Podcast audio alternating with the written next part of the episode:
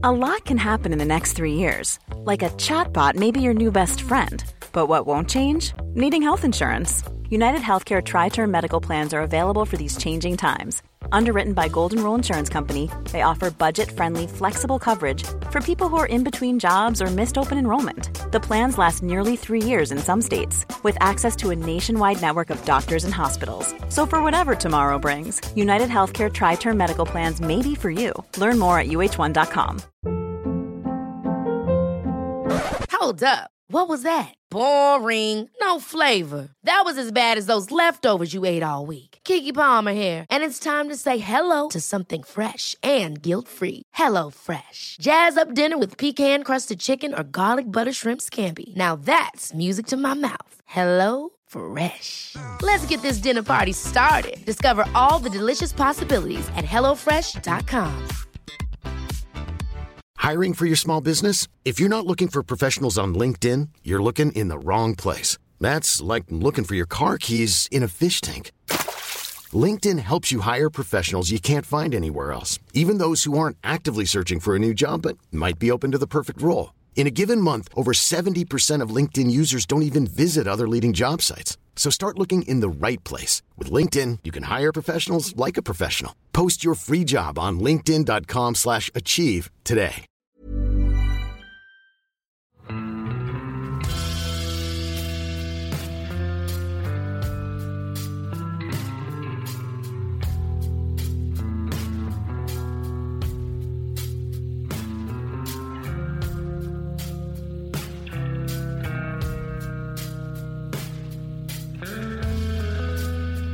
Hei og velkommen til podkasten Uteliv. Mitt navn er Randulf Valle, og i dag sitter jeg inne i et klesskap igjen og tar opp podkast over nett. Og i andre enden av eh, ledningen eh, befinner Marius Nergård Pettersen seg. God dag, god dag, Marius. God dag, god dag. Mhm. Jeg sitter ikke i et skap, da. Jeg sitter i en kjellerstue. Ja. eh, Vi holder liksom på våre respektive opptaksplasser. Det gjør det. Eh, Det slo meg bare, altså vi skal snakke om eh, Vi skal ta utgangspunkt i ei bok som du nettopp har kommet med. Og du er jo veldig god på sånne beskrivende boktitler. For de fleste vet jo at du har gitt ut ei bok som heter 'Hemmelige hytter', som handler om hemmelige hytter. Og nå har du kommet med ei bok som heter 'Sove ute'. Og hva handler den om? Nei, må tro hva den handler om. Den handler jo om å sove ute. Det er et håndbok for netter i sovepose. Ok. Hvorfor har du lagt den boka her? Det er, en håndbok er jo en håndbok for mennesker som ikke nødvendigvis har kjempegod kunnskap om det en håndbok eh, dreier seg om. Og det spørsmålet jeg har fått absolutt mest av folk som kanskje ikke driver med friluftsliv eh, hele tiden, kan bare gjøre det én gang eller to ganger i året, eh, det er varianter av hvordan skal jeg sove ute. Eh, ikke akkurat det spørsmålet hver gang, men noen ganger så er spørsmålet eh, hvor skal jeg sove ute? Eh, Hva, hva slags steder skal jeg dra til? Hva er gode leirplasser? Eh, Hvordan finner jeg den leirplassen? Hva slags telt skal jeg ha med meg? Det, det er kanskje det spør spørsmålet jeg får flest ganger. Hva slags telt skal jeg ha med? Hva slags sovepose skal jeg ha? Hva slags liggeunderlag skal jeg ha? Um, og alt det eh, kan på en måte summeres opp i spørsmålet hvordan skal jeg sove ute? Så til slutt så tenkte jeg at dette her er det mange som lurer på, og så skrev jeg en bok om å sove ute. Mhm. Men jeg tenkte, før vi begynner med hvordan sove ute, så tenker jeg heller at vi skulle begynne med hvorfor sove ute. Og, og hvorfor skal man sove ute? Jeg tenker at det er et veldig sånn Det er et spørsmål som er veldig stort. Um, men hvis man har Og jeg, er ikke sånn, jeg er ikke så veldig fan av å, av å si akkurat hvorfor man skal drive med forskjellige former for friluftsliv, for jeg tenker at det finnes mange svar på det. Og det er ikke noe sånn fasit for akkurat hvorfor man skal gå på tur, eller oppsøke fjell eller skog, eller eh, om det er å ta en selfie rosa, rosa tights på toppen av et fjell, så er det, så er det mer enn god nok grunn, det. Eh, og så er det mer sånn filosofisk og eh, andre grunner til å, til å dra ut.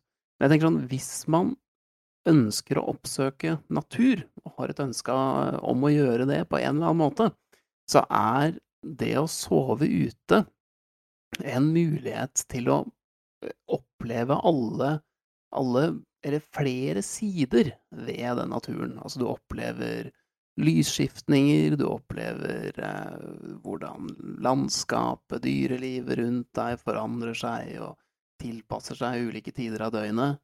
Um, så du får Og du får mye mer av vær, du får en mye større variasjon og en større totalt sett, mener jeg da, en større opplevelse.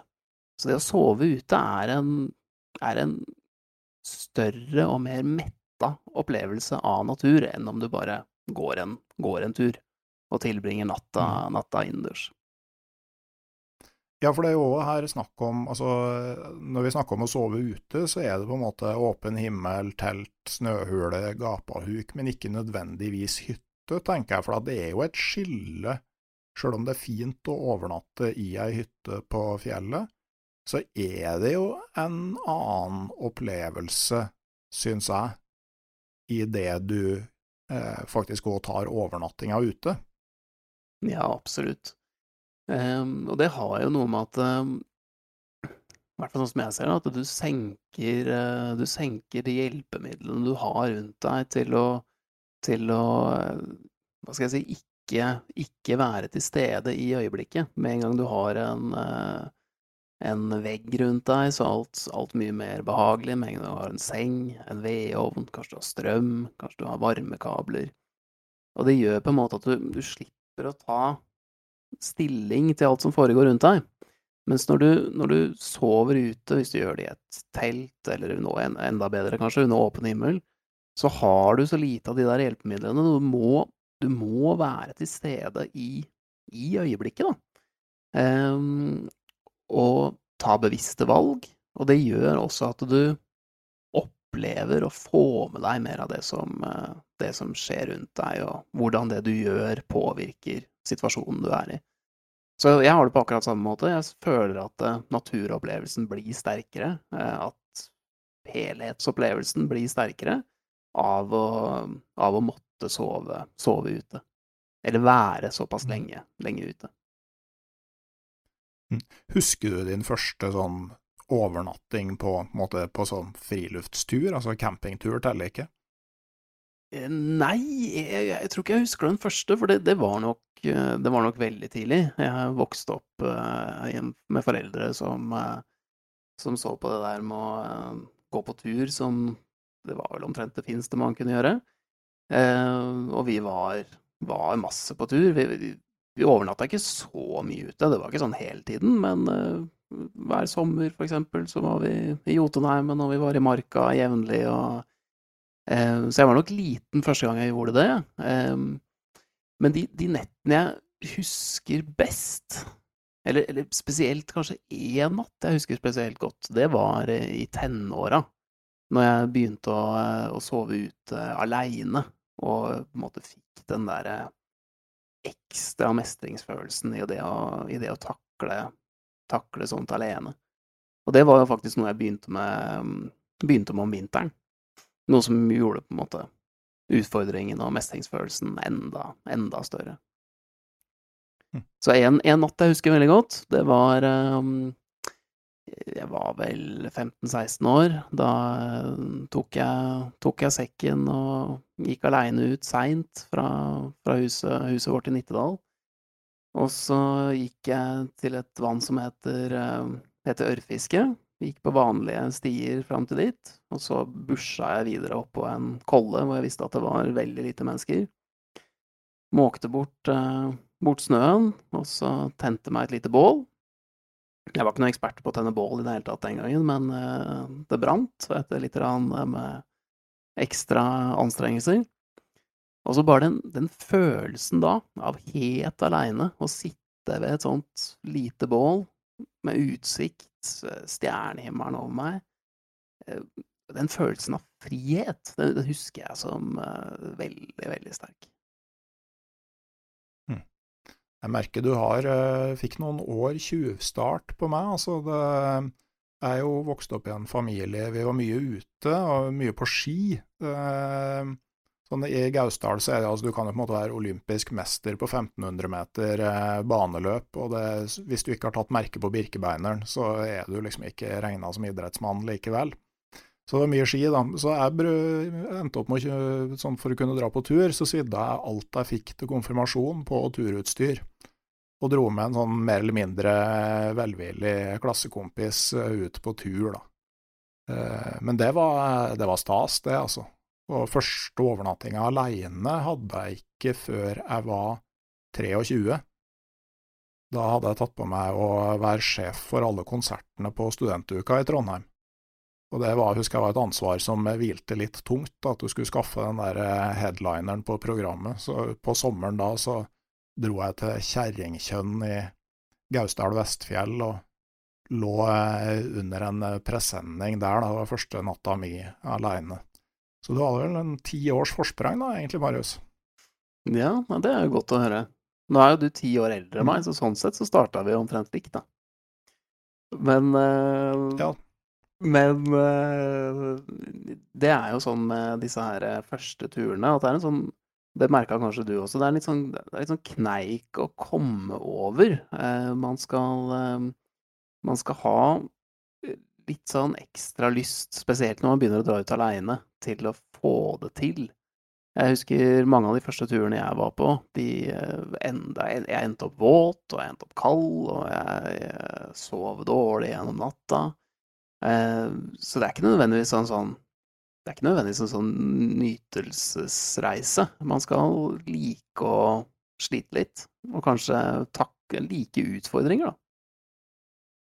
Ja, jeg har òg tenkt på det at jeg må ha hatt veldig lyst, spesielt der med vinterovernattinger i telt, jeg må ha hatt veldig lyst til å like det. For det var ikke behagelig, jeg tror kanskje det var på natt nummer fem eller seks eller noe sånt uh, ute at jeg våkna sjokkert om morgenen og innså at jeg hadde sovet stort sett gjennom hele natta. Ellers er det sånne opplevelser av å våkne på et tynt underlag i en loslitt Ayungelak Iglo-sovepose. Våkner du at du fryser, og tenker ja, kanskje klokka er sånn fire-fem om morgenen, så vi snart kan stå opp, og så er en kvart på elleve om kvelden, og du har nettopp sovna. ja, så har du satt opp en presenning som selvfølgelig ikke er satt opp ordentlig. Så kommer det to vindkast, og så har den blåst vekk. Og så er du så trøtt at du ikke orker å stå opp og vikle deg ut av posen. Du veit nesten ikke hvordan du skal gjøre det heller for å få den retta tilbake igjen, så du bare gir faen. Og så våkner du sånn delvis nedsnødd etter å ha sovet to timer i, i femtida på morgenen. Og da er natta over. Og så er det andre netter, da. Altså. Så nå, jeg skulle nesten tro at nå liksom, vi har innsett at alle kommer til å være på tur i nærområdene sine den sommeren her, så nå driver vi sånn her og forsøk på å skremme flest mulig fra å i hele tatt begynne å sove ute, sånn, så vi får eh, teltplassene for oss sjøl. Vi vil ha dem sjøl. Men eh, det skal jo sies, da. Nå snakker vi om, eh, om vinter og høst og vår, men drar man ut nå skal jeg ikke si at det er lett å dra ut midtsommers heller. Det er jo lettere sånn værmessig, men da har de jo selvfølgelig insektene. Dette her kan vi prate om litt etter hvert, kjenner jeg. Det er et stort tema når på året man skal dra ut. Ja, men, men jeg, jeg, tenker jo at du får uh, på gode meldinger på vår og forsommer må jo være det ideelle. Du er litt sånn akklimatisert etter en uh, lang vinter. Uh, det blir varmere og varmere, det er ikke noe insekter, og på gode værmeldinger så det blir ikke spesielt kaldt. Så, eh, så, jeg tenker sånn tidlig på sommeren må jo omtrent være det ideelle tidspunkt å starte. Ja. Våren, eh, tidlig forsommer og, eh, og også overgangen mellom sommer og høst. Da kan det derre ordentlige ruskeværet komme, men litt avhengig av hvor du er i landet. Men de periodene der er veldig fine. Da har du ikke det ordentlig ordentlig kulda fra vinteren, og du har ikke insektene fra sommeren. Mm. Men hva må du ha da, for å sove ute av utstyr? Du trenger jo egentlig ikke så veldig mye. Dette her avhenger jo igjen av årstid og, eh, og hvor, man, hvor, man, drar ut. Men drar du ut under, under fine forhold, og eh, da fortrinnsvis i nærområdet ditt, altså steder hvor du har en, en mulighet til å søke ly, eller kanskje til og med dra tilbake hjem i løpet, av, i løpet av natta, og det er enkelt, så trenger du veldig lite. Du trenger en sovepose og et liggeunderlag, og det er jo egentlig det.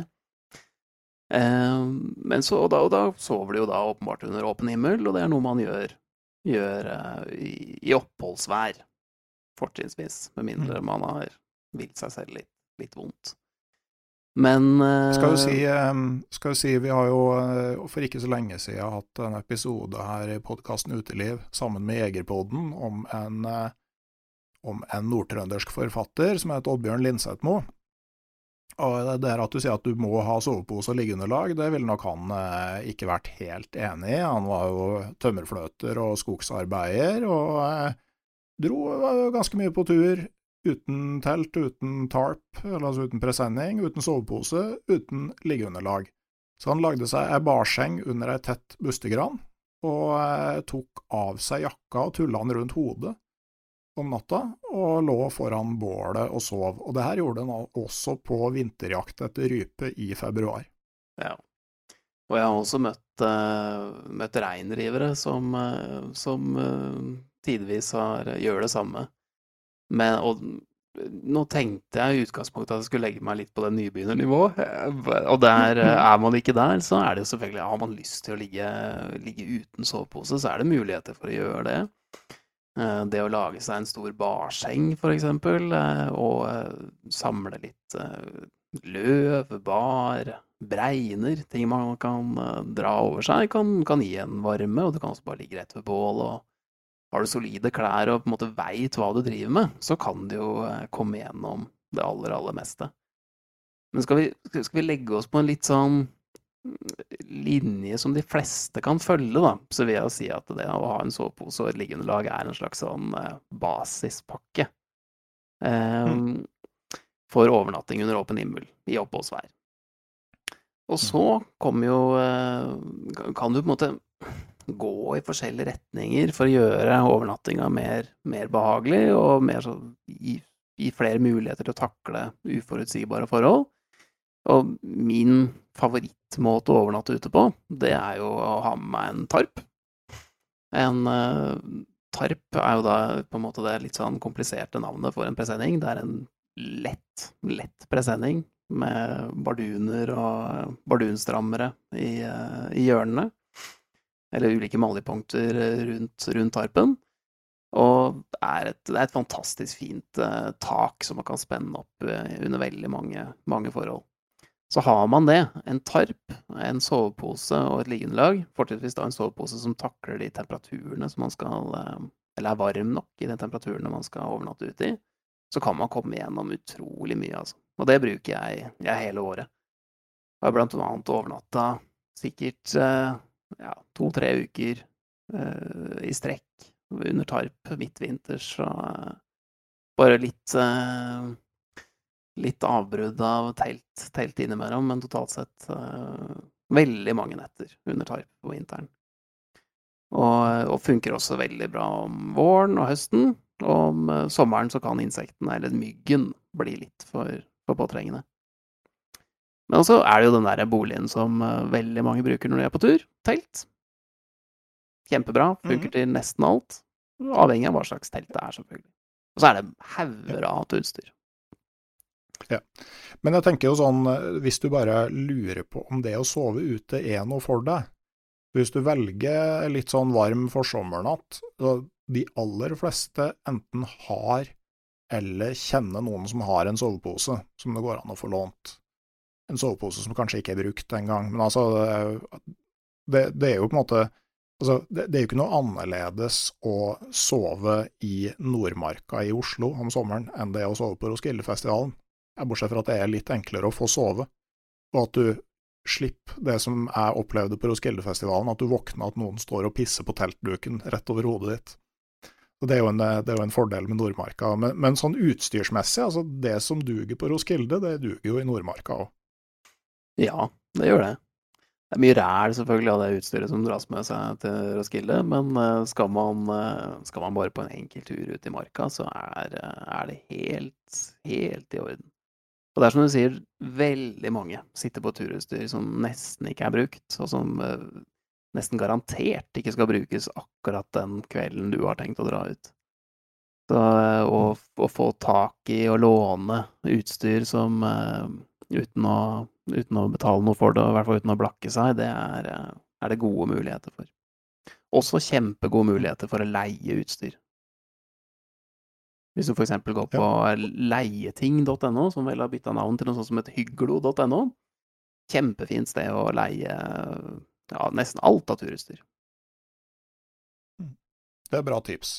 Og det er jo også sånn at på korte turer, altså så, så klarer du det ofte med de billige variantene, fordi at uh, det du veldig stor grad betaler ekstra for med turutstyr, er jo lavere vekt. Sånn at uh, Hvis du kan godta at soveposen veier 1,5-2 kilo sjøl om du bare skal på en sommertur, så, så sparer du deg jo ganske mye kroner på det. Mm, absolutt.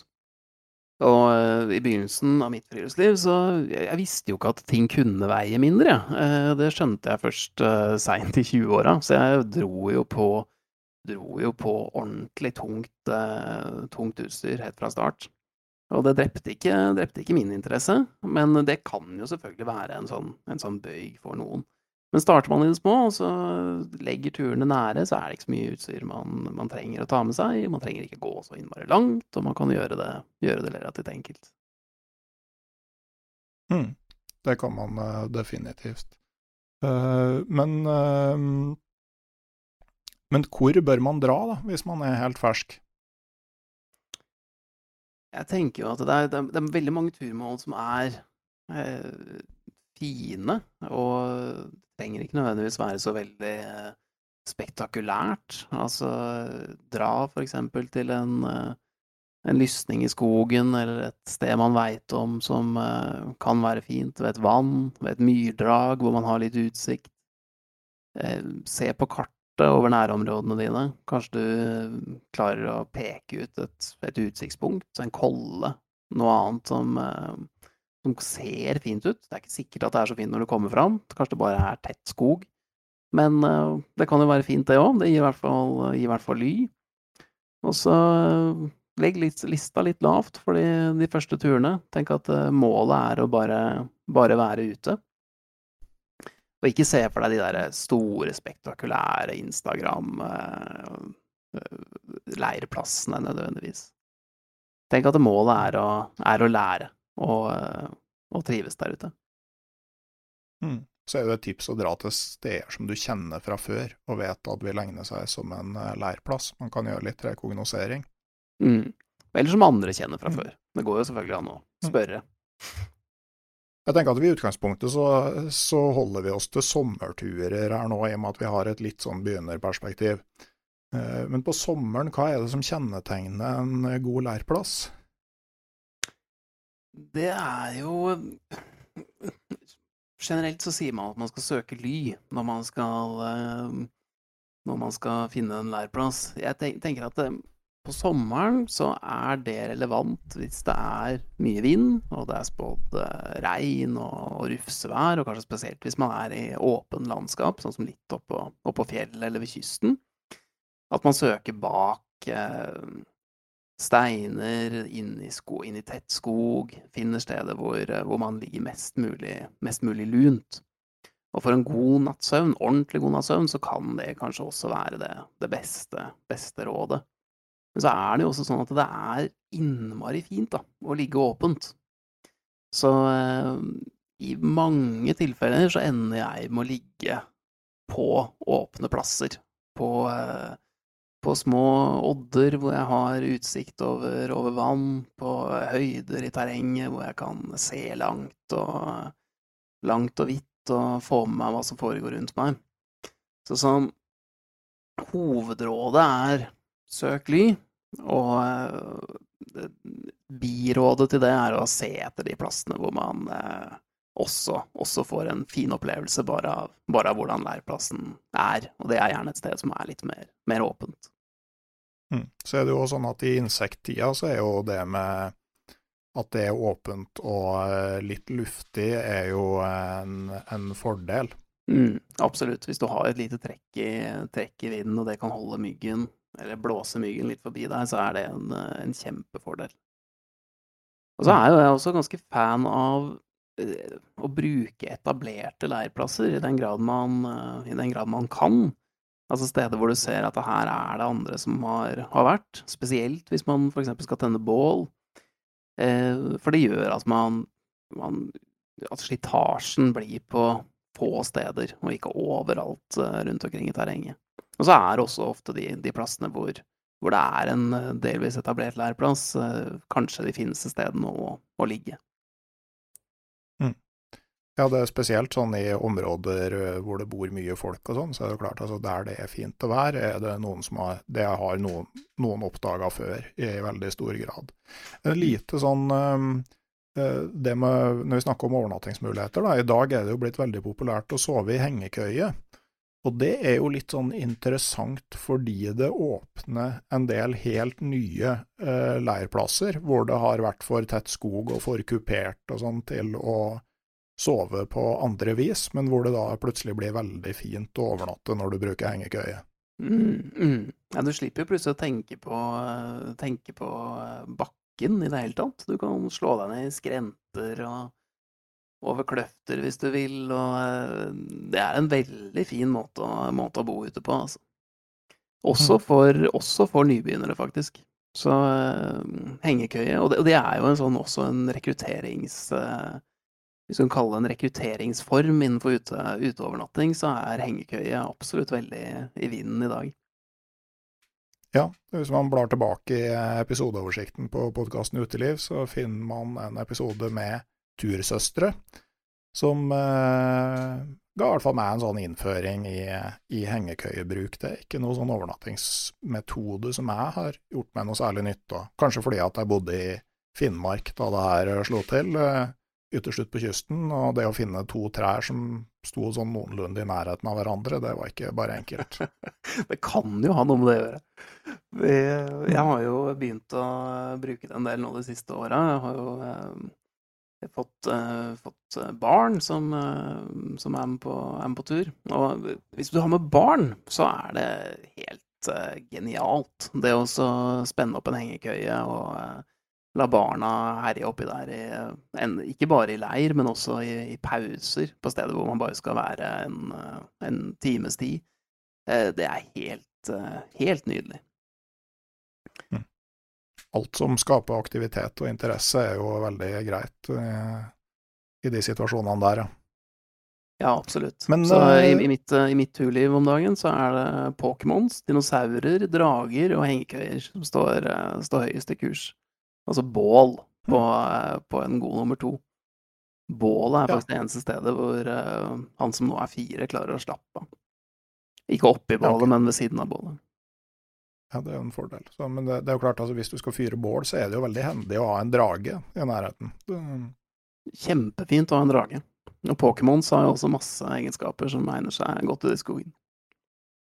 Ja, ok. Ja, det, det må jeg innrømme at det er et, eh, det er et eh, liksom, eh, fagfelt som jeg ikke kan noe om. Altså, jeg, jeg, har jo to jenter, sånn at det er ikke så mye Pokémon, men det er jo veldig mye, veldig mye Frost. da, og der er det jo, Men der er det mer sånn ismagi og sånne ting. Det, det kunne man kanskje bruke til å bygge noe sånn eh, shelter med, eller noe sånt. Ja, ja, masse. Nei, men eh, ta mm. inn, Pokemon, ta inn seksåringen min på, på en podkast, så får du full innføring. Ja, ok. Ja, det, det, det er notert bak øret. Men uh, uh, hvis det er måte én ting som folk som skal begynne med å sove ute, er engstelige for, så er det jo å fryse om natta. Det er mitt inntrykk. Det er det man er mest engstelig for. Hvordan unngår man det? Jeg trodde faktisk du kom til å si mørket. Men uh, ja. etterfulgt av det å gå på do om natta. Men det er kanskje en del av det å fryse om natta. Men det å fryse om natta er absolutt en uh, ting som mange, mange tenker på. Altså, man unngår jo dette her med å for det første spise godt, drikke godt, uh, ta til seg mye næring, være god og mett når du legger deg, og ikke være redd for å måtte stå opp om natta og gå på do i det hele tatt. For du eh, Hvis du må det, så, så går du på do. Eh, det er mye viktigere at du har eh, nok næring i kroppen til å, til å holde varmen gjennom natta. Og du bruker jo mye mer energi på å holde varmen ute i en sovepose enn du gjør i hvert fall jevnt over, da. Avhengig av været, selvfølgelig, men jevnt over så vil du bruke mye mer energi på å holde varmen i en sovepose ute i skogen eller på fjellet enn du gjør, enn du gjør hjemme i senga di. Så ta til deg næring, og så er det å ha på seg eh, tørre klær. Legge seg med tørt, tørt ulltøy, fortrinnsvis, i hvert fall innerst mot kroppen. Ullundertøy og mellomlag hvis man trenger det. Og ellers så er det jo å være litt nøye, sånn som vi snakka om tidligere, i valg av leirplass. Uh, legge seg et sted hvor det ikke trekker, eller hvor man har utstyr som gjør at det ikke trekker eh, direkte inn på, inn på posen eller, eller, kroppen din, som gjør at du, at du, holder varmen. Det er kanskje de viktigste momentene. Og kjenner jeg deg godt nok, så har, deg godt, så har du et par ekstra momenter. For dette her er jo du ekspert på. Ja, det var dine ord. Men uh, i hvert fall, uh, jeg tenker jo bare ikke være på en måte gnien på komforttemperaturen på soveposen. Sånn helt uh, vent med å begynne å spare vekt på å ta med deg en kaldere sovepose. Sørg for at den har god margin til de temperaturene du, du skal ut i. Så, mm. så, kan du heller liksom begynne å justere deg inn på hva som er grensene dine etter hvert. Jeg tenker jo der at eh, en tresesongs sovepose egentlig er eh, den soveposen jeg vil anbefale til alle som skal på tur i, i sommerhalvåret. Selv om du skal på tur eh, midt på sommeren, så velg en, en tresesongs sovepose. Ikke velg det som er da en sommerpose, som ofte har, har en komforttemperatur som Ja, noen ganger så ligger den på på over ti grader, og det er som regel eh, for kaldt til å fungere godt i, i norske somre. Uh, I hvert fall hvis du skal ha en som du kan variere og bruke til, til mye. En tresesongspose kan bruke på, brukes på store deler av våren, hele sommeren og store deler av høsten. Mm sånn, i hvert fall når du begynner å få en sånn uh, T-komfort, da. Det er jo fire temperaturer som står på soveposen, hvorav T-komfort og T-lim er liksom de viktigste. Men stort sett alle sover godt ned til T-komfort. Uh, forutsatt at liggeunderlaget er godt. Og hvis du har T-komfort ned på en sånn fem-seks kuldegrader på soveposen din, så, uh, så, har du litt å gå på i de fleste sånn sommerovernattinger. Mm. Så er det jo også det å ikke glemme, glemme liggeunderlaget. Liggeunderlaget er jo ikke så viktig, uh, viktig midt på sommeren, men uh, blir det litt kaldere i været, så er det en veldig viktig isolasjon mot, mot bakken. Så det å ha et uh, liggeunderlag som er beregna for de forholdene man drar, drar ut i, det, det, kan ha mye å si for, for at man sover godt og holder varmen. Mm.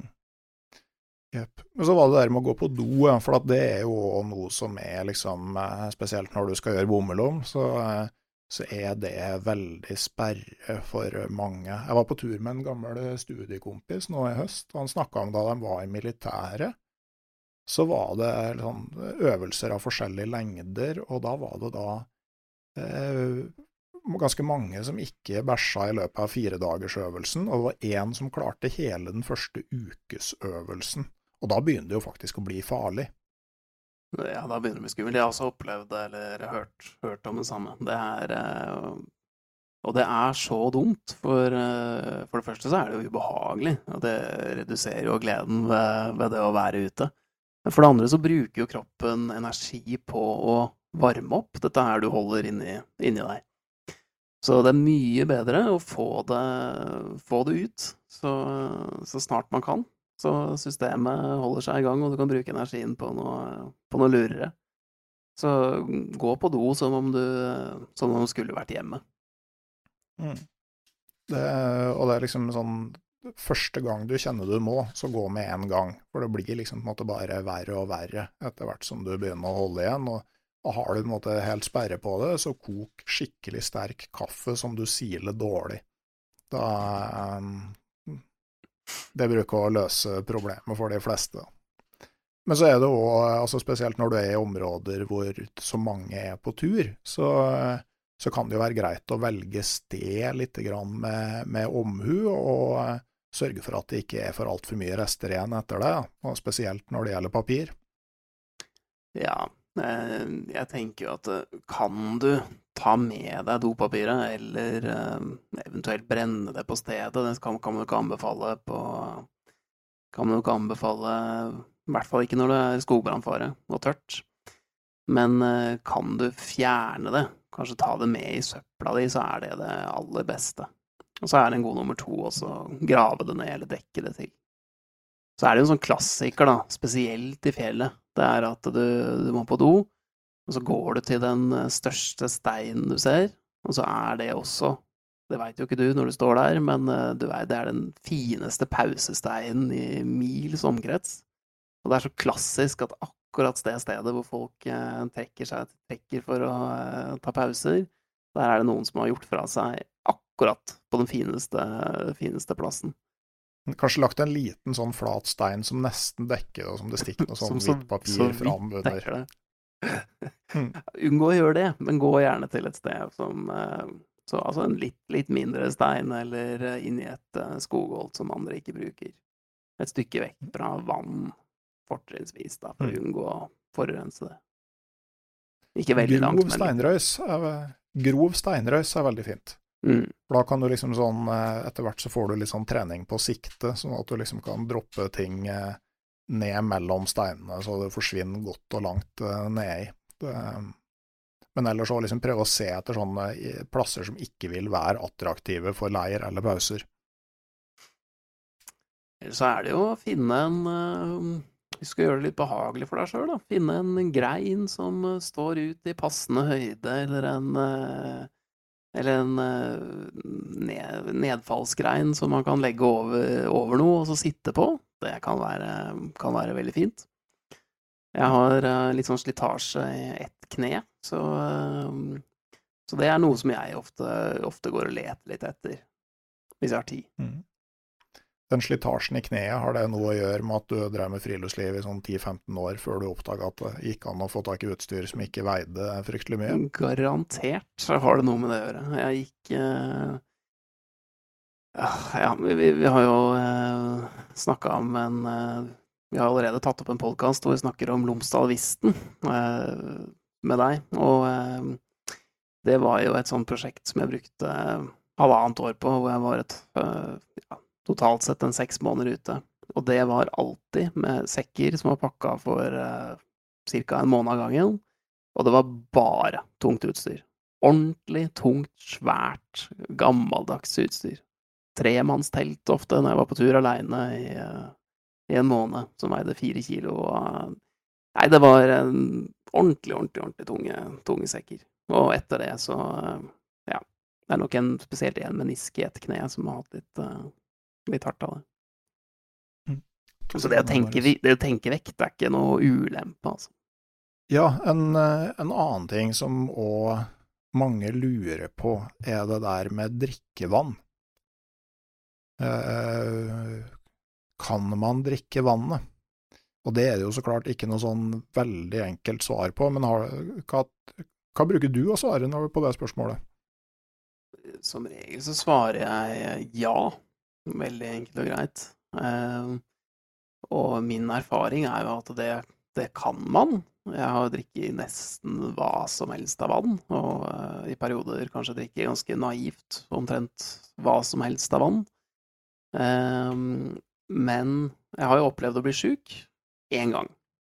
Og det var eh, i et vassdrag i Sverige, hvor jeg drakk av no, noen store, store innsjøer som helt sikkert var var eh, forurensa av noe jordbruksland. Jeg stakk satt og padla packraft og stakk hånda rett i, rett i sjøen, eller koppen rett i sjøen, og drakk mens jeg var ute. Um, da ble jeg ordentlig, ordentlig sjuk. Og jeg har hatt med meg en bror på tur som også har blitt ordentlig, ordentlig sjuk. Av um, sannsynligvis noen smågnagergreier i, i fjellet i Nordland. Og man kan bli skikkelig sjuk av å drikke, drikke, feil vann, men jevnt over så kan man, kan man drikke nesten, nesten hva som helst. Men så er det jo det at hvis det er smågnagerår, altså ekstra mye gnagere i, eh, i skogen eller fjellet, ofte da lemen har en tendens til å forurense, forurense vannet. Hvis det ligger et kadaver noe sted som eh, forurenser vannet, det er veldig vanskelig å ha kontroll på, men det, det kan skje. Um, og hvis vannet står stille, så er det større muligheter for det. Stillestående varmt vann om, eh, om sommeren er jo det som lettest forurenses og kan gjøre deg, gjøre deg sjuk. Så det er jo greit å ha litt sånn uh, vurderingsevne. Jeg husker sånn i fjor sommer så lå vi noen dager ved noen sånn dødisgroper innafor Dørålseter i Rondane. Og det er jo noen groper som fylles opp med vann av smeltesnø, og så står det dønn rolig der, og når det da er badetemperatur i det der, da går du et annet sted og henter drikkevann. Ja. Um, du, du skal... Og så er det jo òg, eller hvis det er hytteområder, og du liksom eh, Altså et vann, og du ser utedoene står tett, liksom, så, eh, så går det jo an å tenke lite grann hvor du kan finne noe som ja, Om du kan komme deg litt grann oppstrøms, da, eller om det kommer en bekk ned et sted som det ikke er noe hytte rundt, og, og litt sånne mm. ting. Og beitedyr er jo også et varsel. Altså, er det mye beitedyr i et område, kuer, sauer, geiter, så har de en tendens til å forurense, forurense vannet. Men så er det jo den veldig enkle regelen at er du usikker, så, så kok. Og koker du, koker du, vannet, så uh, klarer du stort sett å unngå, unngå å bli sjuk. Mm. Og stort sett så, så, blir du ikke sånn veldig sånn farlig sjuk. Altså hvis du ser i til utlandet, så har du sånn som eh, Giardia, det som kalles beaver fever. Det har vel vært i noe vannverk borti Bergen og sånn, men altså stort sett så unngår man jo de verste greiene der, da. Og i høyfjellet, sånn for min del òg, aldri blitt dårlig på tur, bank i bordet. Uh, og uh, sånn at uh, liksom I veldig mye av de norske skoger og fjell så er det helt trygt å drikke vann. Ja, og ordentlig farlig sjuk, eh, det blir man jo veldig sjelden, som du sier, men man kan bli ordentlig ubehagelig sjuk. Eh, da broren min ble sjuk av noe musegreier oppe i, oppe i Nordland, så klarte han å gå på beina ut, men da lå han fire dager på, på sjukehus etterpå. Og eh, hadde det absolutt Såpass, ja. ikke bra. Absolutt ikke bra. Så eh, Var det noe sånn musepest eller noe sånt han har fått, da? Det var et år, jeg vet ikke akkurat hva det var, men det, det var et år med, med, masse, masse gnagere. Og vi var nok også litt uh, naive. Dette her var uh, Han fylte koppen sin under en slags sånn uh, litt sånn myrlendt li, hvor vi i ettertid så at her var det her var det små hull til museboliger oppover absolutt hele lia. Så at den lia drenerte ganske mye drit ned i det vannet, var uh, Sjansen for det var ganske stor, så det kunne ha noe med det å gjøre. Men vi andre drakk, uh, drakk vann relativt ukritisk og ble, ble ikke sjuke. Så dette er jo litt sånn uh, tilfeldig, men vær obs på det. Gnagere, beitedyr, hytter, andre eventuelle forurensningskilder. Jordbruksland er jo en klassiker. Eh, og prøv å unngå vann som kommer, kommer, rett fra det. Unngå til en viss grad stillestående vann, selv om man ofte ikke blir sjuk av å drikke fra store, store sjøer, f.eks. Eh, og kok vann man eventuelt er usikker på. Så går det, går det stort sett bra. Og så er det jo også sånn at hvis du skal overnatte ei natt ute i Bymarka eller Nordmarka eller Drammensmarka eller noe sånt, så så er det jo fullt mulig å ha med seg en liter eller to med vann hvis det her er noe du er engstelig for. Så, eh, så er det jo fullt mulig å ta med seg drikkevann, og så ta kaffevann og matlagingsvann på stedet. Ja, ja, absolutt. Og broren min han er jo nå da mer eller mindre vaksinert mot å drikke vann i naturen. Så han går jo og bærer på litevis. Så kanskje vi alle egentlig bare Kanskje jeg nå sier at ja, det går bra, det går bra, det går bra, inntil det absolutt ikke går bra, og så eh, kan vi snakkes etter det. Kanskje jeg går og bærer, ja. òg. Ja. Det er jo en jeg kjente som gikk og bar med seg eplenektar rundt omkring i fjellet i store mengder. Da. Men, eh, men eh, det er klart, altså det, det, det, er jo en mulighet for at det, det kan være forurensninger i vannet, men liksom sånn tenk litt, se deg rundt. Og, og bitte små sånn sig eh, er det jo Altså sånn, Et muselik der har jo betydelig større påvirkningskraft enn i ei diger elv, da, sånn at uh, det er noe med, med det òg. Men sånn ellers med vann er jo én ting, da, men du har det med mat og uh, Men man kan jo på en måte overnatte ute Altså, man trenger ikke begynne med primus og åpen flamme i det hele tatt. Altså, hvis det er noe man syns er skummelt, så kan man jo ordne seg mat for en overnatting ute uten å koke. Ja da, man kan uh, ta med seg uh, mat som er laget ferdig hjemme, og så stekt opp, kokt ferdig. Bare putta i noen plastbokser eller plastposer og og båret med, med, hjemmefra. Man kan spise brødmat. Man kan uh, ha med hermetikk, som ikke nødvendigvis trenger å, uh, trenger å tilberedes. Det er, uh, det er, helt fint mulig å, å klare seg uten å, uten å, bruke noe mer sånn avanserte turhjelpemidler enn en, en det. Samtidig så er det jo sånn da, at hvis du er glad i kaffe, så, så er det jo veldig lite her i verden som slår den første kaffekoppen om morgenen kokt fra, fra soveposen. Sånn at, eh, og det, det, er i utgangspunktet ikke noe stor risiko med å koke seg en kjel kaffe på en gassbrenner, f.eks. Sånn at altså eh, hvis du, hvis du, har veldig frykt for det, så er det i utgangspunktet en litt irrasjonell frykt. Ja, og gassbrenner er jo det enkleste må vel kunne sies å være det enkleste turkjøkkenet man kan bruke. Kanskje ved siden av stormkjøkken med rødspritbrenner. Veldig, veldig greit, håndterlig. Teste lite grann før du eventuelt tar det med deg ut på tur. Og de aller fleste, mest så godt som alle, klarer å, klarer å bruke det. Hmm. Jeg vil egentlig si at altså, hvis du ikke har kokeapparat og skal ut og kjøpe, så kjøp en enkel, billig gassbrenner. Altså Biltema har en sånn uh, brenner som du bare skrur på toppen av gassboksen. Koster så vidt over 200 kroner, og den er helt grei. Altså det finnes jo bedre varianter der ute, men funker helt fint å koke litt kaffe og lage litt uh, mat på. Så, uh, så, jeg tenker at, at hvis jeg skulle anbefalt én ting da, som varmekilde hvis du er helt fersk, så er det en, en enkel, rimelig gassbrenner. Så vidt jeg husker, så er den gassbrenneren fra Biltema også markedets letteste gassbrenner. Ok. Så um, jeg kan, kan, ta feil, men den er De hadde i hvert fall en eh, brenner som var hysterisk lett. Jeg gjorde i gang et forsøk på å sette sammen verdens letteste tursjekk. Og det var en eh, tursjekk til en ukestur i eh, Jotunheimen som veide, med alt overnattingsutstyr, ekstra klær, mat, for uh, eh, ca. en uke, så veide den litt over fire kilo. Ja. Så det er mulig, altså det er like mye som det teltet jeg drassa på uh, på langturer i, i Lomsdal-Visten.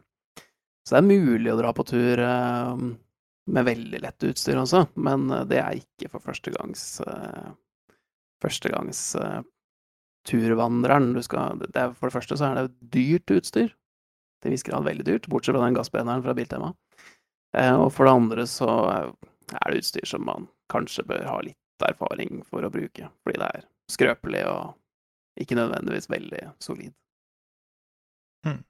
det er en annen podkast, tror jeg, den om uh, lettvektsutstyr. Men, men uh, det man etter hvert kan gjøre, er jo å ta med seg elementer fra måte, den disiplinen der av friluftslivet, uten å nødvendigvis ta det til limiten, sånn som du gjorde der. Da. Jeg har en annen turkompis, han er britisk, som begynte å få problemer med knærne og innså at hvis han skulle gå på tur, så måtte han gå med sekker på under 15 kilo, og dermed ble han interessert i det her med, med lettvektsutstyr og kunne fortsette å dra på tur, da, sjøl om knærne var blitt dårlige. Så, men, eh, men, sånn med matlaging, altså, så der òg så er det jo bare å gjøre det enkelt i, i starten. Det er helt greit å steike pølser og altså man trenger ikke begynne å, å tenke på ekspedisjonsmat for å, for å være ute en natt. Og så kan man jo finne ut om man syns det er moro, og uh, har lyst til liksom å, å, utforske det der med hva kan du lage på bål og primus, for det er jo for mange et sånn viktig element i turene etter hvert. Da. De lager jo kanelboller og pizza og kaker og uh, jeg vet ikke hva. Mm. Nei, turgourmetene er en egen, uh, egen rase. Men så har jeg lyst til å skyte inn at hvis det er et mål å spare litt vekt, da, så er jo maten et, eh, et, punkt hvor man kan gjøre det. Så selv om man ikke behøver å legge seg på lista til de drøyeste ekspedisjonsfarerne, så er jo f.eks. frysetørka middagsposer av typen real turmat, som man får kjøpt i veldig mange sportsbutikker, en veldig sånn veldig lett uh, veldig lett tilberedelig uh, matrett som uh, Eller matretter, man kan diskutere det, de smaker stort sett det samme alle sammen. Men, men det, det, inneholder nok næring, i hvert fall, til å kunne kalles en, kalles en middag. Og de tar veldig liten plass og veier lite i sekken. Hmm. Nei, det, og når det gjelder frokost, så er jo det samme, altså frokostblanding. Eh, hvis du kjøper tørrmelk og frokostblanding og har oppi litt sukker, eh, så, eh, og så kan du da koke det til grøt hvis du vil det, eller spise det som, som musli med, med, kaldt vann oppi. Det er òg veldig sånn næringsrik og enkel frokost som, som, veier lite. Ja, og det er en sånn favorittfrokost for meg, i hvert fall på lengre turer. På kortere turer så ender det ofte med helt vanlig brødmat. Kaviartube og, og et brød. Da er jeg, er jeg fornøyd. Mm. Da er du, du, er nesten sånn som Dag Kjelsås, eh, gamle redaktøren i Villmarksliv. Han hadde med et brød og en majonestube. Um. Vi burde jo slått oss sammen. Uh, perfekt. Jeg pleier ikke å ta med majones. Det blir liksom den ekstra luksusen jeg kunne med. Ja, det kunne, kunne, jo blitt skikkelig variert kosthold på det viset der. Det... Men eh, er det da spesielle lover og regler man må kunne for å sove ute? Ja um, den liksom, Grunnregelen er jo at uh, du kan gjøre hva du vil i norsk natur, så lenge det ikke plager andre. Det er litt sånn kardemommeloven. Eh, og du ikke ødelegger eller er til sjenanse for andre. Det er på en måte grunnregelen. Men i det så ligger det jo at du følger det vi kaller for allemannsretten og friluftsloven, som eh, gjør at du skal ikke skade Du kan f.eks. ikke skade eiendommen til, eh, til skogeier, til grunneier, med mindre du har tillatelse til det. Det vil si at du fortrinnsvis ikke kan kutte ned levende trær, vegetasjon. Du kan eh, samle småkvist til eh, til et bål. Dødt, dødt, treverk til et bål. Eh, men du skal, skal, etterlate naturen i mer eller mindre den graden Eller egentlig ikke mer eller mindre, men du skal etterlate naturen sånn som den var før du kom dit. Med mindre du har tillatelse til, til, å endre på ting av, eh, av grunneier. Men, øh, og det er, det er, jo mye sånn lover, lover og formuleringer rundt det. Eh, men hovedregelen er kardemommeloven. Du kan gjøre hva du vil, så lenge du ikke ødelegger eller forstyrrer andre. Andres opplevelse av mm. naturen. Ja. Skal du holde deg unna bebygd, eller bebodde hus og hytter? Altså ikke plassere leiren din for tett på der. 150 meter fra bebodde hus og hytter, men eh, Mm. ja, det er greit å unngå, som regel i Norge. Ja, Og så er det jo ellers altså sånn uskrevne regler, altså når du Hvor tett innpå andre kan du slå opp leir og sånn. Altså der, der er jo par grunnregler. er jo for det første liksom tenke gjennom hva du vil trivdes med sjøl, og, og snakk med folk. Det er to, eh, to greie tips, da. Mm. Er det greit at vi slår oss til her når dere ligger der? Og så kan du jo prøve å se hva øya deres sier òg, da. For det kan hende de sier ja, og så ser du at det, jo, de har sagt ja, men eh, det er sikkert like greit å rusle litt videre. Altså sånn Folk drar til fjells og til skogs delvis for å få være litt i fred og for seg sjøl, og eh, det kan jo være greit å, å ha i bakhodet. Dette her handler jo egentlig om eh, normal, normal folkeskikk, men og stort sett så er det jo heller ikke noe, noe stort problem. Eh, Ofte så vil man finne, finne plasser hvor man kan være helt aleine. Men det er klart, spesielt utenfor eh, større tettsteder og byer, og i populære turområder. Og hvis du oppsøker eh, populære vann og utsiktspunkter og sånne ting, så kan det der, bli, en, eh, bli en problemstilling. Og da er det jo at eh, den som var der først, har, eh, har lov til å være der og på en måte tatt plassen, og hvis man, hvis man spør pent og får lov til å, til å bli der, og det virker, virker greit, så, så kan man bli der, og så hvis ikke, så er det vanlig folkeskikk å finne, finne en annen, et annet sted. Yep. Og så er det det man kan være litt obs på, da, er jo at det finnes forskjellige verneformer, og derunder naturreservat. sånn at eh, og I dag så kan du jo eh, bruke nettsida norgeskart.no og kikke på, på kartet, og er det en sånn lysegrønn eh, grenseområde rundt eh, det området du har sik sikta deg inn på, det er et naturreservat, så kan det sånn Litt avhengig av det reservat, hva det er der for å verne, så kan det være spesialregler. For eksempel i naturreservat som er der av hensyn til trekkfugl, så er det veldig ofte begrensninger på overnatting, enten hele året eller i, i hekkesesongen. Så det er jo sånn som kan være greit å sjekke ut litt. Og så er det det med bål. Veldig mange har et eh, romantisk forhold til å overnatte ute og, og tenne bål. Eh, det er veldig fint, men eh, der er det jo helt relativt klare regler, i hvert fall. At mellom 15. april og 15. september så er det generelt bålforbud i Norge. Nå har det kommet eh, noen sånne tilleggsregler på det, som gjør at det er mulig å ha bål hvis det er helt åpenbart ikke skogbrannfare, og man har eh, full kontroll på det man driver med.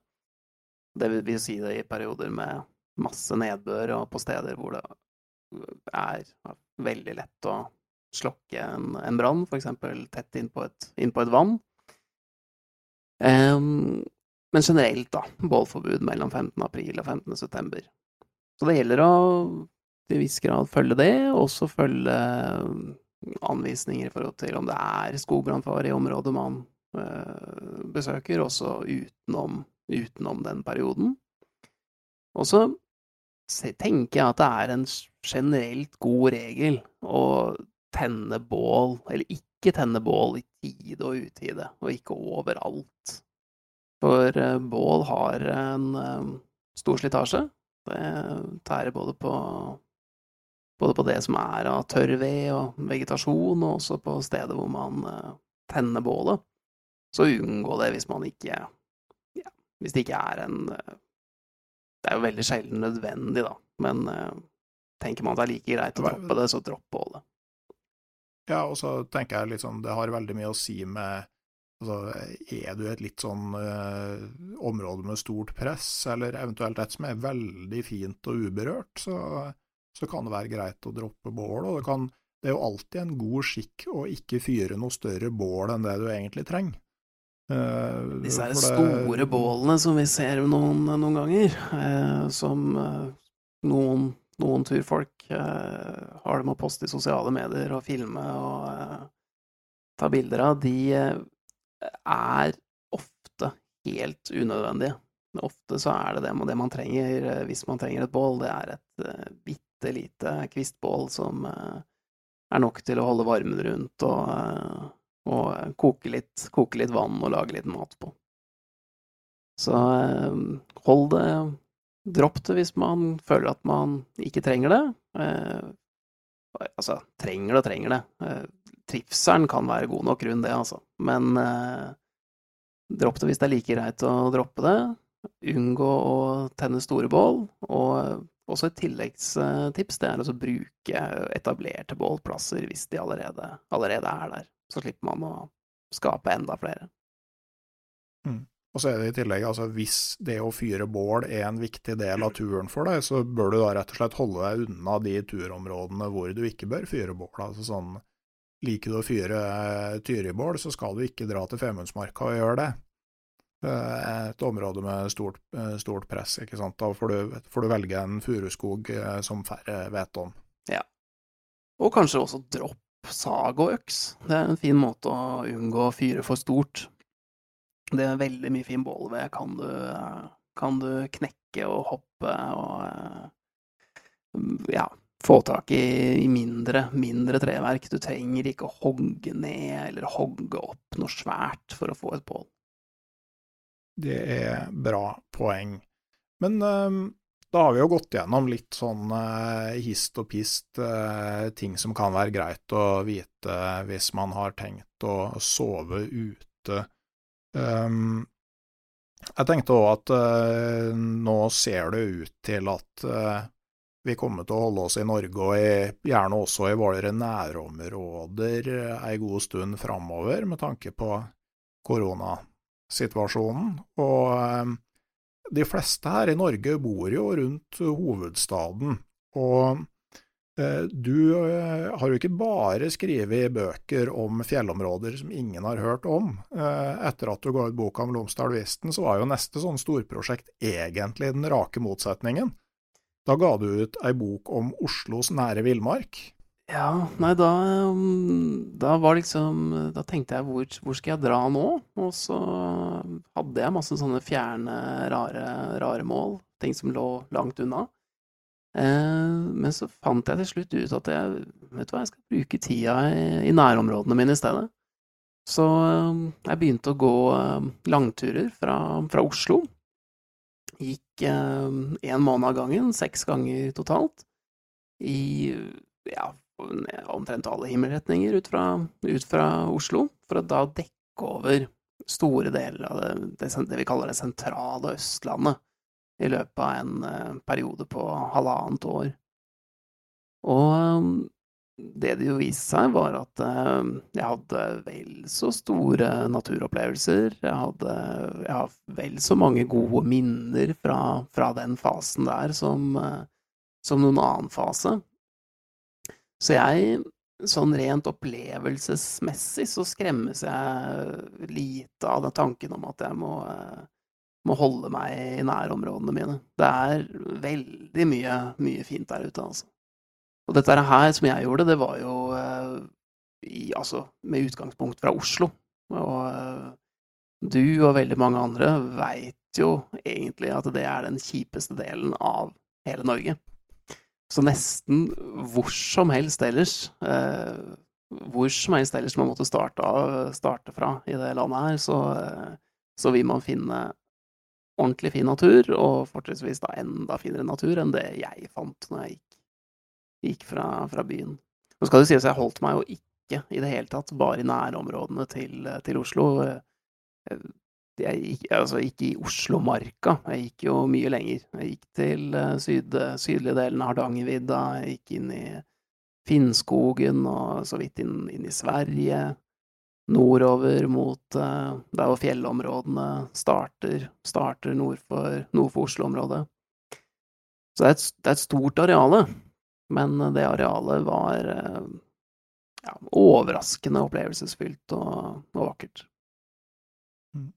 Mm. Er det noen sånne plasser der du tenker at eh, For det, for det dreier seg jo litt om nå, da. Altså, vi vil jo gjerne ut, men vi vil jo heller ikke Altså, alle bør ikke dra på tur på akkurat uh, samme sted. Det er noen av de områdene du ble kjent med der som du liksom kan si at uh, altså, hit er det fint å, å, dra hvis du liksom ikke vil dra så langt fra Oslo, men fortsatt uh, oppleve et område hvor det ikke ferdes så veldig mange.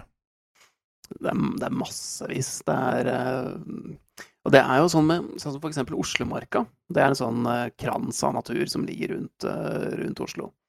den er 1700 kvadratkilometer stor. Og hvis du gjør noen sammenligninger der, så er det større enn mange av de store nasjonalparkene våre. Det er større enn Børgefjell, det er større enn Jotunheimen, det er større enn Rondane. Um, og, og, i Oslomarka så er det noen områder hvor det er mange som beveger seg, og så er det massevis av områder hvor det er få som beveger seg. Så bare sånn tettest inn på byen så har du de, de områdene der. Drar du i østlige delen av det vi kaller Østmarka, som naturlig nok ligger øst for byen, så er det lite folk.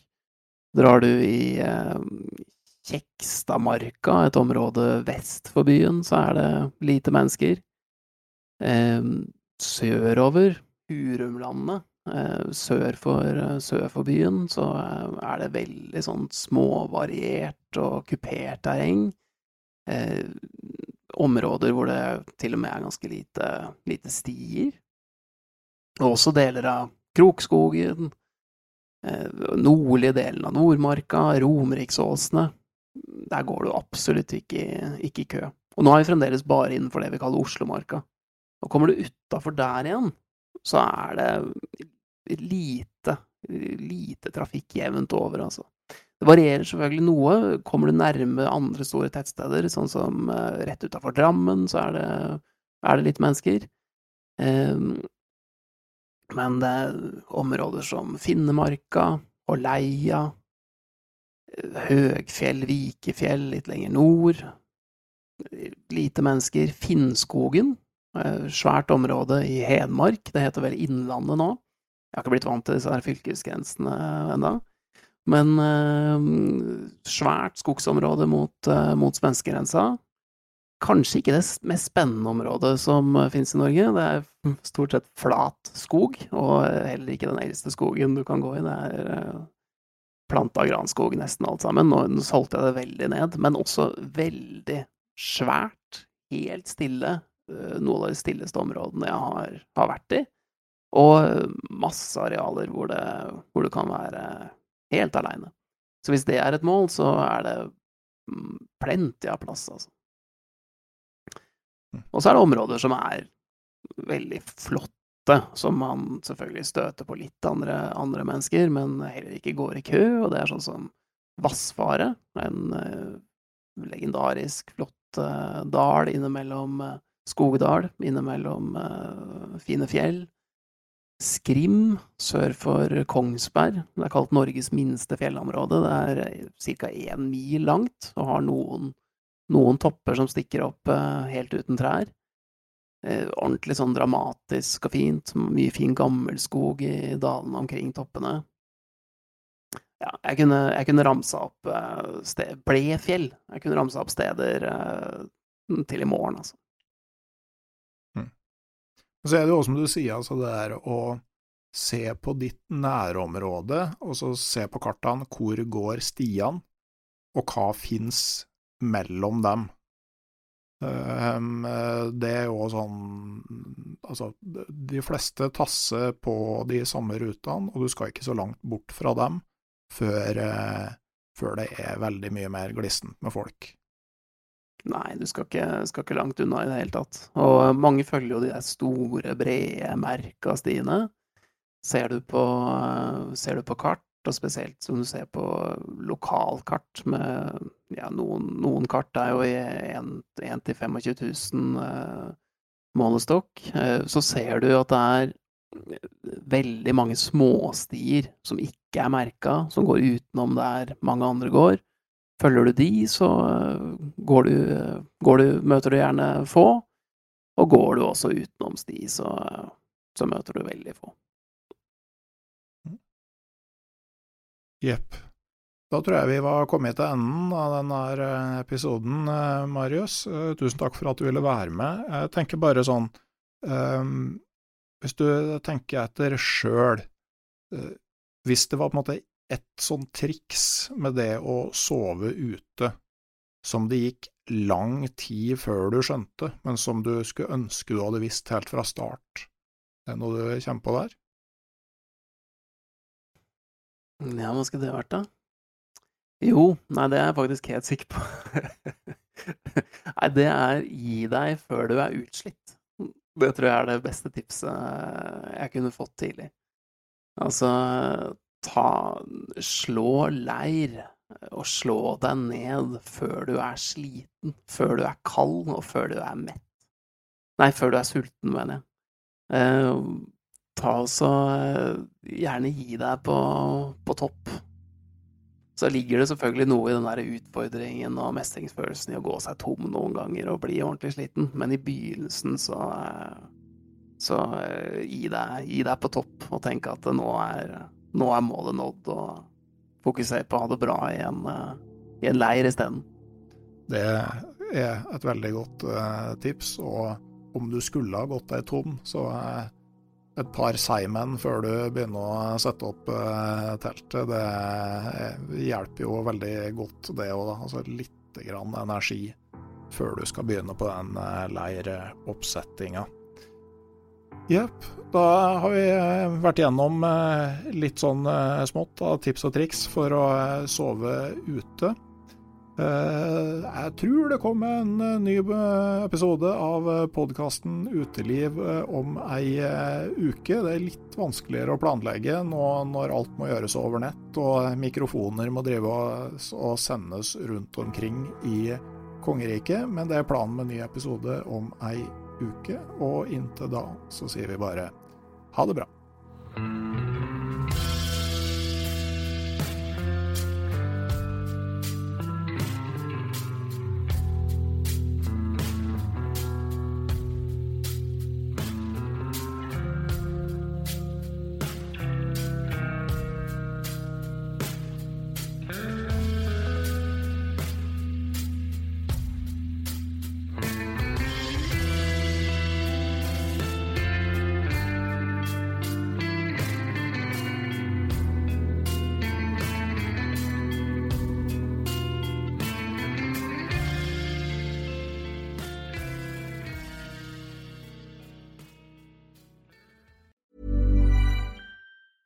Planning for your next trip? Elevate your travel style with Quince. Quince has all the jet setting essentials you'll want for your next getaway, like European linen, premium luggage options, buttery soft Italian leather bags, and so much more. And it's all priced at 50 to 80% less than similar brands. Plus, Quince only works with factories that use safe and ethical manufacturing practices. Pack your bags with high-quality essentials you'll be wearing for vacations to come with Quince. Go to quince.com slash trip for free shipping and 365-day returns. Hi, I'm Daniel, founder of Pretty Litter. Did you know cats tend to hide symptoms of sickness and pain? I learned this the hard way after losing my cat, Gingy. So I created Pretty Litter, a health monitoring litter that helps detect early signs of illness by changing colors, saving you money and potentially your cat's life. Pretty Litter is veterinarian developed, and it's the easiest way to keep tabs on your fur baby's health right at home. Go to prettylitter.com and use code ACAST for 20% off your first order and a free cat toy. Terms and conditions apply. See site for details. Hold up. What was that? Boring. No flavor. That was as bad as those leftovers you ate all week. Kiki Palmer here, and it's time to say hello to something fresh and guilt-free. Hello Fresh. Jazz up dinner with pecan-crusted chicken or garlic butter shrimp scampi. Now that's music to my mouth. Hello Fresh. Let's get this dinner party started. Discover all the delicious possibilities at hellofresh.com. Hei, jeg heter Nore Helligsen og er daglig leder i Barents Outdoor. Det beste vi kan gjøre for planeten, er å redusere forbruket vårt og få mer ut av det utstyret vi allerede har. Men vi vet av erfaring at bruken av telt kan endre seg over tid. Det teltet du kjøpte for to år siden, passer kanskje ikke det behovet du har i dag. Derfor har vi i Barents etablert en egen panteordning der vi tar imot brukte telt av god kvalitet i innbytte når du kjøper et nytt av oss. Prosessen er enkel. På barentsoutdoor.no gir det oss informasjon om teltet du vil bytte inn. Basert på det får du et tilbud fra oss som gir deg rabatt på ditt neste Barentsprodukt. Mer info og betingelser finner du på barentsoutdoor.no.